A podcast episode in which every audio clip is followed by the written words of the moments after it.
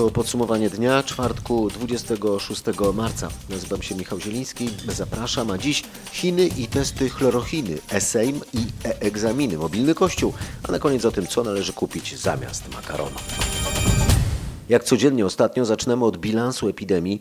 Liczba potwierdzonych przypadków zakażeń w Polsce wzrosła o 170 w ciągu doby do ponad 1220.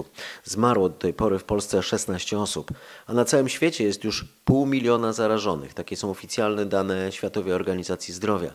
Zmarło do tej pory 25 tysięcy ludzi, najwięcej we Włoszech, w Hiszpanii, w Chinach i w Stanach Zjednoczonych. I to w Stanach Zjednoczonych teraz zdecydowanie najszybciej przybywa potwierdzonych przypadków przypadków. Jest ich kilkanaście tysięcy w ciągu doby. Ta pandemia może być w znacznie późniejszym stadium niż się powszechnie zakłada, ogłaszają tymczasem naukowcy z Oksfordu. Nasz korespondent w Londynie, Bogdan Frymorgan, przybliży teraz tę alternatywną teorię. Uczeni z Oksfordu sugerują, że koronawirusem już mogły zarazić się miliony ludzi na całym świecie. W Wielkiej Brytanii to może być nawet połowa populacji. Oznaczałoby to, że wirus zaczął się rozprzestrzeniać na wyspach w połowie stycznia, a większość zakażeń przebiegała łagodnie. Autorzy raportu uważają, że decyzja rządu o wyhamowaniu normalnego życia była słuszna, ale nie są zwolennikami badań uczonych z Imperial College w Londynie, które przewidziały olbrzymią liczbę ofiar. Według tej nowej teorii już teraz duża część społeczeństwa jest uodporniona na koronawirusa. Zdaniem uczonych z Oksfordu, jednym z priorytetów powinny być teraz badania stwierdzające obecność przeciwciał w organizmie. Jak już informowałem w podsumowaniu dnia w tym tygodniu, pojawiają się kolejne sygnały, że skuteczną terapię zapewnia lekarstwo na malarię oparte na chlorochinie. E, tego rodzaju specyfiki produkowane są w Polsce przez jedną z prywatnych e, firm. Dużą produkcję substancji czynnej mają u siebie również Węgrzy, którzy wczoraj zakazali jej sprzedaży za granicę. Zespół ekspertów Uniwersytetu Medycznego we Wrocławiu zamierza zatem uruchomić próbny program e, terapii opartej na chlorochinie.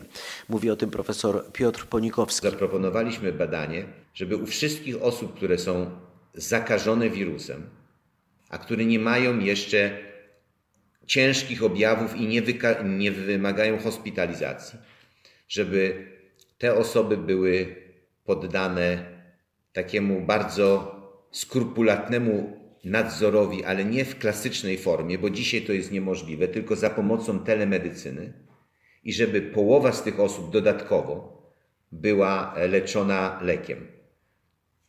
Dlaczego połowa? No dlatego, że nie wiemy, czy ten lek działa. Musimy to sprawdzić. Wszyscy będą, wszyscy dostaną do domu system, który y, będzie pozwalał na transmitowanie do naszego centrum y, telemedycznego takich parametrów jak akcja serca, ciśnienie, temperatura, saturacja i do tego będzie jeszcze EKG, a połowa chorych dostanie lek. Leczenie będzie trwało dwa tygodnie.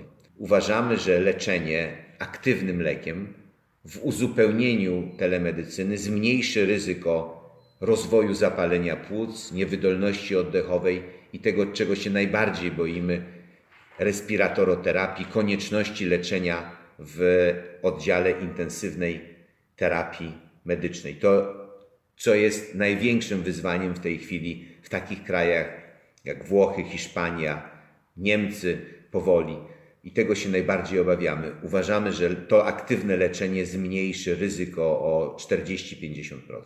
Teraz naukowcy mają opracować dokładną strategię e, takiego leczenia, które rozpocząć się ma za kilka dni.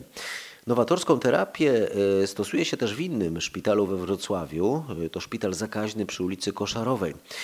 Ta terapia polega na podaniu chorym mieszanki aż 30 różnych leków o czym mówi konsultant wojewódzki do spraw chorób zakaźnych na Dolnym Śląsku Krzysztof Simon. To jest jakaś opcja, nie wiem czy najlepsza, czy gorsza, ale w każdym razie działa. Nikt z tych pacjentów, którzy przyjmują te leki, nie umarł i nie wykazuje pogorszenia drogie, bardzo droga terapia. Nie wiem, czy to jest idealna, ale jest jakaś. Brak decyzji, nawet gorsza, lepsza decyzja jest decyzją niż nie podawanie niczego i patrzenie, co dalej z tym wszystkim będzie. Wiem, że koledzy chcą robić różne kombinacje lekowe, każdy ma prawo wyboru, opieramy się na doświadczeniach chińskich. Koledzy w Lublinie usiłują zarejestrować tę terapię, choć zdania są podzielone od entuzjazmu do zupełnej negacji jako takiej, z uwagi na to, że nie są to leki ściśle szczejące się wirus, ale wbijające się w metabolizm tego wirusa w pewnych fragmentach sprawdzone w MERSie, SARSie, a tu jakby trochę mniej.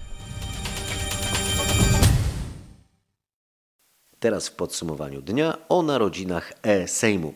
Posłowie przyjęli dziś zmiany regulaminu umożliwiające zdalne obrady i głosowanie w sytuacjach nadzwyczajnych przy wykorzystaniu środków komunikacji elektronicznej. Może to być zastosowane w przypadku e, wprowadzenia stanu wyjątkowego, wojennego e, albo klęski żywiołowej, jak również stanu epidemii, który obowiązuje teraz. Posłowie dziś byli jeszcze w Sejmie osobiście. A o tym, jak zorganizowano obrady, e, opowie nasz reporter Patryk Michalski. Obowiązuje wiele ograniczeń. Na sali plenarnej zasiądzie maksymalnie 41 posłów. Będą to miejsca przeznaczone przede wszystkim dla władz Sejmu oraz szefów partii, klubów i kół. Pozostali posłowie zajmą miejsca w innych salach, w których będzie mogło przebywać maksymalnie 50 osób. Dzisiejsze zdjęcia z Sejmu z pewnością przejdą do historii polskiego parlamentaryzmu. Proszę sobie wyobrazić, że